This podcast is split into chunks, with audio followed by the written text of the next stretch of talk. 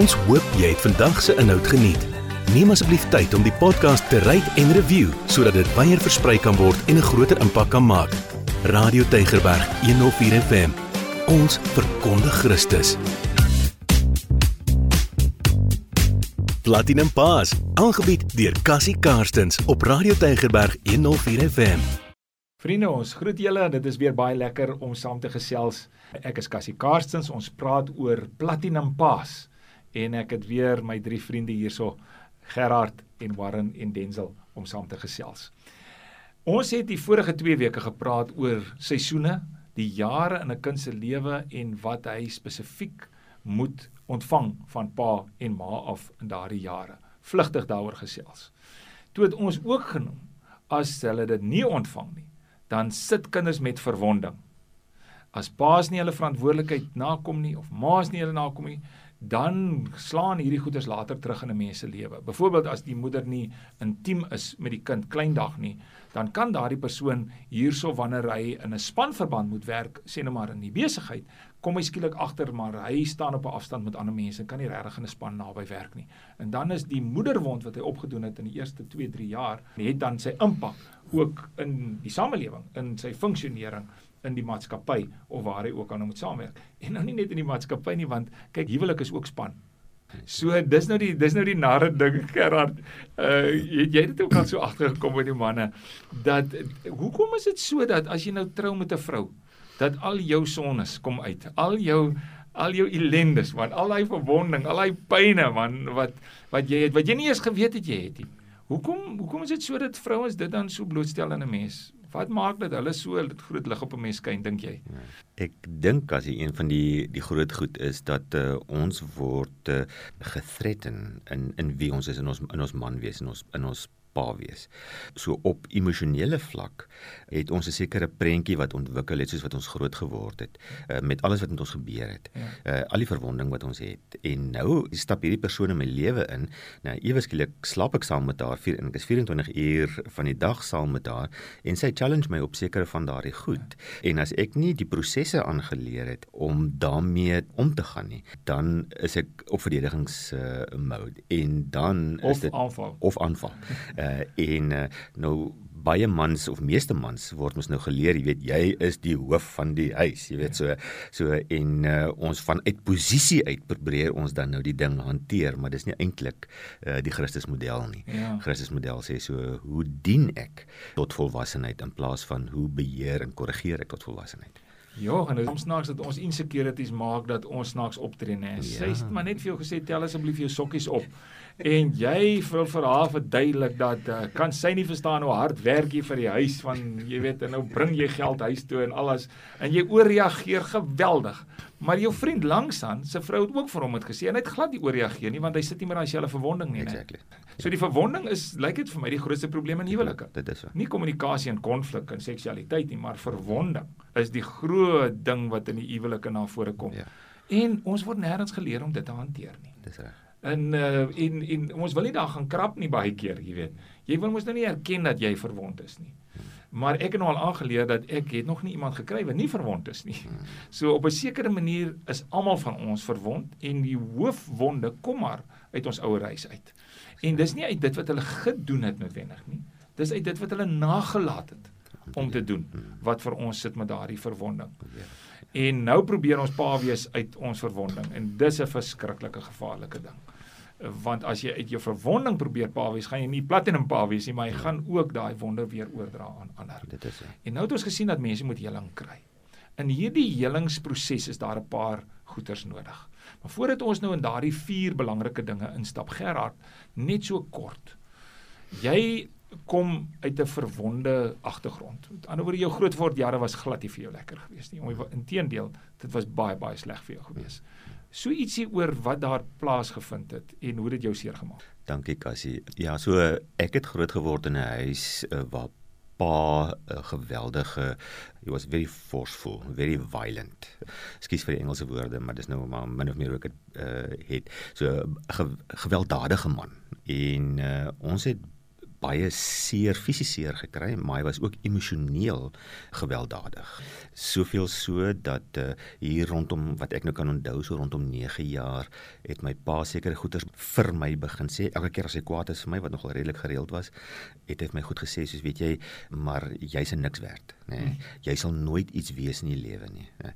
Jy sal altyd 'n houthakker en 'n waterdraer bly. Jy is so sleg so en dan hy nou klomp byvoeglike naamwoorde daar ingesit. So van min of meer 8, 9 jaar af is hierdie goeters gereeld deur my pa, die belangrikste persoon in my lewe, uh vir my gesê. So hy het my identiteit as daardie goed gevestig. Wat dink julle het ek gedink oor myself toe ek 17, 18 jaar is en ek 'n jong man instap? Presies dit. Soveel so dat ek my hele volwasse lewe tot omtrent seker so 10 jaar terug het ek beklei daarteen uh om te verstaan maar wie is ek? Uh want pa het een ding gesê, die Here sê 'n ander ding. Maar wie is ek nou eintlik? En ek moes kom op daai punt waar ek besef maar weet jy, maak nie saak wat ek aanpak nie. Daardie identiteitsvestiging van pa was so diep dat ek kon eenvoudig nie suksesvol wees met enigiets wat ek aanpak nie. Hmm. As gevolg van die feit dat voordat ek begin, het ek al reeds in my kop verloor. verloor. Uh en daai is ongelooflik uh, vir my was dit 'n ongelooflike deurbraak. Hmm. Die oomblik toe God met my kom praat en sê luister, weet jy wat jou pa oor jou gesê het is nie die waarheid nie. Hmm. Wat ek oor jou sê dis die waarheid. En ek wil hê jy moet die leuen wat jy geglo het tot nou toe en van waar uit jy jou lewe gelei het, moet jy nou verander in die waarheid wat ek vir jou sê. En daai uh, Cassine is 'n ongelooflike swaar proses, ja. moeilike proses om te doen. En uh, hier op my ek wil nou nie sê my ou dag nie want ek is nog nie so oud nie, maar uh, uh, moet ek nou leer wat beteken dit om regtig seun van God te wees? En in hierdie proses van seun van God wees, hoe is ek nou seun vir my pa, die pa wat my identiteit afgedruk het ondertoe. Weet dit is nog 'n dinamiese ding wat 'n ou moet aandag aan gee. Ja ja. Geweldig. Ek hoop twee goeders vind plaas deur die luisteraars wat nou luister. Die eerste een is dat daar is so baie verwonde mense wat onmiddellik kan identifiseer. Hulle abuse of verwonding het nie noodwendig op dieselfde manier plaasgevind nie.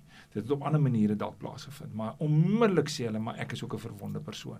Ek wil vir daardie mense sê luister vandag, ons gee net 'n paar lyne, maar maak seker dat daardie vier belangrike goed vir genesing, dat jy deur daardie prosesse gaan vir genesing asseblief. Maar daar is ook ander wat skielik besef maar joh, ek het waarskynlik 'n klomp verwonding vir my kinders gebring en daardie ouers moet asseblief gaan na die kinders toe om daardie herstel te bring soos wat ons laas keer gesê het en te vra dat hulle asseblief vergewe want as daardie vergifnis nie plaasvind nie dan word hulle en jy in 'n tronk toegesluit en en leef mens in daardie tronk lewe vir die res van jou lewe. Ja. Ek wil net vir die luisteraar sê Cassie, nee, maak nie saak wat jy beleef het in jou lewe in jou grootword proses nie. Daar's altyd hoop, nê. Nee, ja. Daar's altyd hoop om te leef soos wat Vader God jou gemaak het om te, om te wees. Uh so moet nooit terug staan in jou eie ontwikkeling nie. Dit is is jy bereid om deur daai pyn te gaan? En ek hoop dat die die luisteraars wat luister sê dit is definitief die moeite werd want dit bring my so volmaak en volwasse soos Christus Efesiërs 4 vers ja, vers 13. Nee, en dis waar ons wil wees. Ja ja ja, daar's geen krag sterker as die opstanningskrag van Christus Amen. nie. Daai sinnetjie sê ek vir myself omtrent 5 keer op 'n dag in die tyd waarin ons nou lewe. Nou, die helingsproses. Vier dinge is belangrik. Die eerste is identifisering van jou verwonding. Waar kom dit vandaan en so aan? En dan is die tweede ene is daardie vergewe van pa en ma. Waarin sê vir ons so ietsie oor eh, die belang van daai goed en wat 'n mens daaroor moet doen. Ja, Cassie, die identifisering is natuurlik uh belangrik want mense is moet daai probleem spesifiek kan identifiseer. In the world it's a father het ons 'n uh, paar vraelyste om daardeur te gaan en dit in te vul en te kyk is dit 'n pa wond of 'n of, of 'n ma wond. En ehm um, as ons byvoorbeeld agterkom maar, maar ek is baie onseker van myself. Uh ons uh begin dan besef miskien is dit 'n identiteitsprobleem wat, wat wat ek het. As ons daai daai vraelys gaan kry ons dan die identifikasie van dit en, en dit is uh, die eerste stap uh, in die proses. So identifisering. identifisering. Want dan kan 'n mens spesifiek daarmee wees, dit spesifiek adresseer en weet ook om in die toekoms as jy by daai punte kom dan direk daar te gaan en dit weer te adresseer sodat jy nuwe patrone kan aanleer. So identifisering van die verwonding, want aan identifisering bring ook verantwoordelikheid sin, né? Nee, dat 'n mens nie vingers wys nie. Dis nie my pa en ma het dit gedoen nie, dit is nou ja. ek sit met hierdie probleem nou ja. en ek moet dit hanteer. Of pa nog lewe of ma nog lewe, ja. maak nie saak nie. Ek moet dit hanteer is my verantwoording. Verantwoordelikheid. En dan die die volgende ene en dit is dat 'n mens dan nou tog vergifnis moet bied vir pa en vir ma. Ja, ja. Ja, so soos jy nou genoem het uh, met die eerste stap is is daai eiening van die probleem om verantwoordelikheid te aanvaar en nie te, te blameer nie, uh, maar op jouself neem. Dan kom daar wat wat jy dan nou ons tweede stap is, is, is om te vergewe.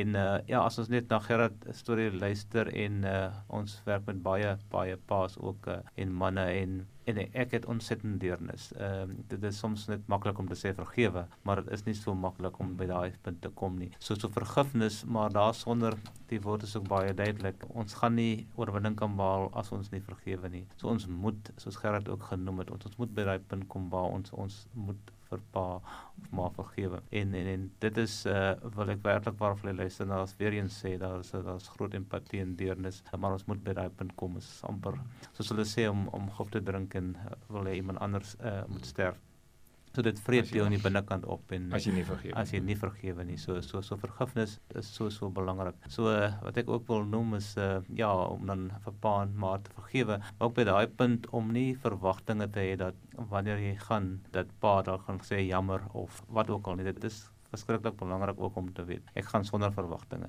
Uh so dit is 'n ja. belangrike punt. So maar praktiese ding wat ek baie keer vir manne sê is: vat 'n hamer, vat 'n klomp groot 6 duim of 8 duim spykers of wat ook al. Gaan na 'n boom toe wat ergens in 'n bos groei en slaan daardie spykers in die boom en soos jy hulle slaan, sê jy eers met elke hou wat jy slaan, sê jy Christus is vir my gekruisig. Jy moet dit eers sê want as jy nie dit sê nie, dan is dit asof jy leeg is. Dan is daardie verlossing, daai vergifnis bloed van Christus. As dit nie oor jou stort reën nie, dan gaan jy baie sukkel om ander te vergewe. Jy moet regtig onder die stort van vergifnis van God staan om te weet God het my vir al my goeders vergewe en daarom kan ek vir ander vergewe. As daai ding nie jou jou gedagtes oorweldig nie, gaan dit baie baie moeilik wees. Ek meen ek sit in 'n situasie al gesit waar mense gesê het my beste dag was toe my ma my pa doodgemaak het vir ons as kinders. En nou sê jy ek moet hom vergewe. Dit was my beste dag, jy wil my beste dag wegneem van my. Nou dis baie intens maar deur God se genade en dit was ook net deur God se genade wat daai persoon bewus geraak het van die groot vergifnis van God vir sy lewe en dat hy daai vergifnis moet aangee vir 'n volgende persoon. Daai vergifniskassie is net ongelooflik belangrik dat ons verstaan, maar vergifnis is ook 'n proses. Hmm. Net om te sê man vergewe jou pa hmm. of vrou vergewe jou pa dis dis eintlik wreed. Hmm. Want ek dink byvoorbeeld aan die die 40-jarige vrou wat reg deur haar hoërskoolloopbaan elke aand deur haar pa verkrag is om vir haar te sê vergewe jou pa. Hmm. Dit kan eenvoudig net nie werk nie. So die die Heilige Gees moet jou vat op daai pad van ja. vergifnis tot hy vir jou daar bring waar jy kan sê luister nou vergewe ek. Ja. Uh, en daai vergifnis is dalk nie eenmalig nie, dit is 'n nee. herhaalde proses. Uh, as ek net terugdink aan in my storie, uh, ek het my pa seker as dit 20 keer is, is dit min uh, wat ek hom moes vergewe. Want elke keer kom ek in 'n situasie, dan kom ek agter maar weet jy, hier's goed dat my pa my moes geleer het wat hy nie gedoen het as ek van voor af kwaad vir hom. Ja. Dan vergewe ek maar weer. Ja. En ek vergewe maar weer en vergewe maar weer. Totdat ek in situasies kom en ek uh, daar's geen gevoel meer teenoor pa as ek dit dink nie. En dan dan kom ek agter maar weet jy Christus het die werk gedoen, volledige vryspraak kan plaasvind. Net gou nog ietsie sê oor oor empatie ook. Nee, hoe belangrik empatie is in terme van vergifnis. Die oomblik toe ek begin navorsing doen het oor wie my pa was en hoe hy groot geword het. Mm. Toe ewe skielik het verstaan, toe is daar 'n deernis om sê my Jesus like nê. Nee dit wat hy in my gedoen het is eintlik maar ook net sy verwondheid. Hmm.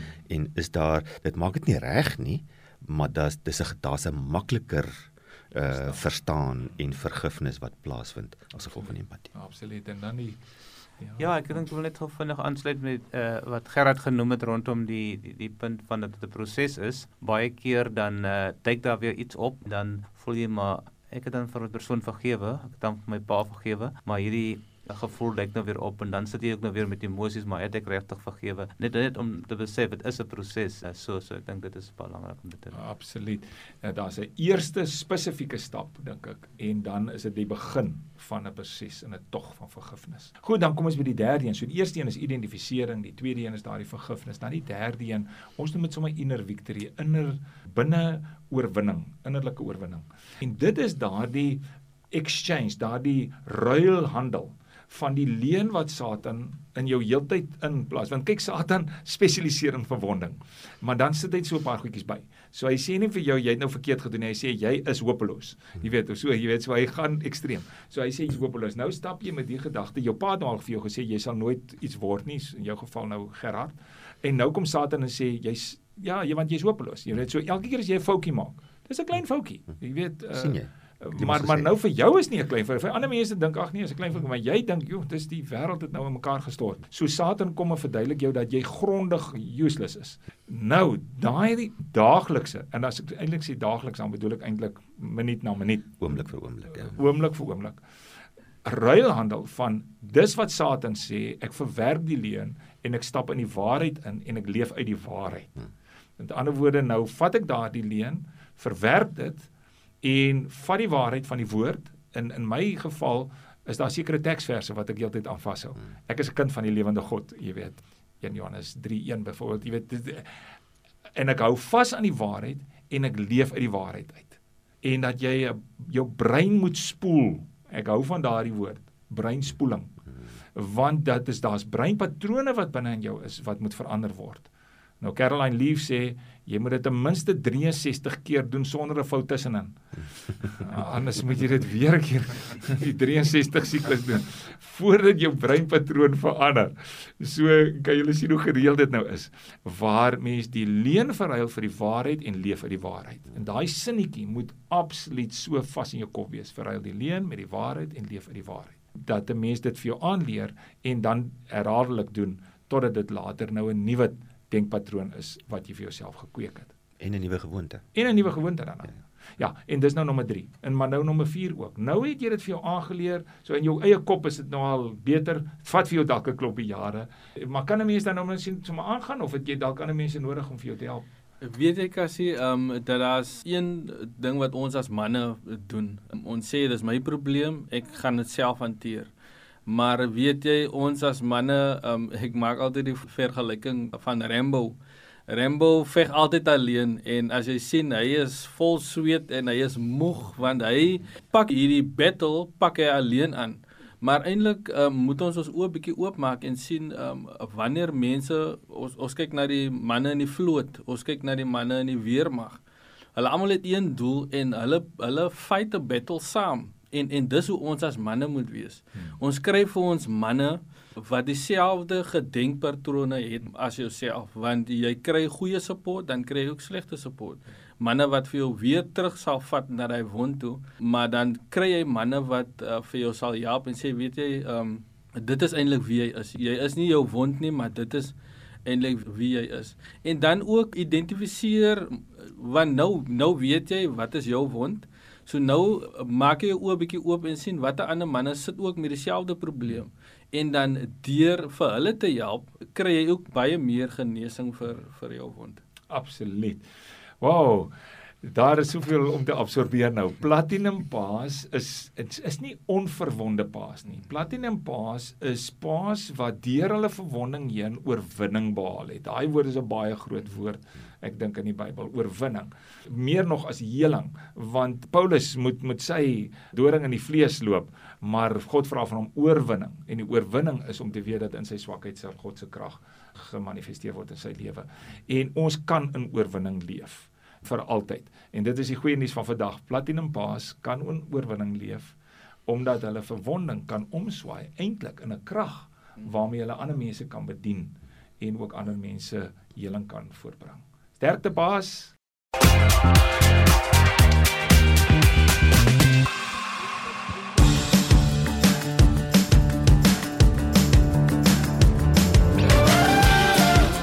Ons hoop jy het vandag se inhoud geniet.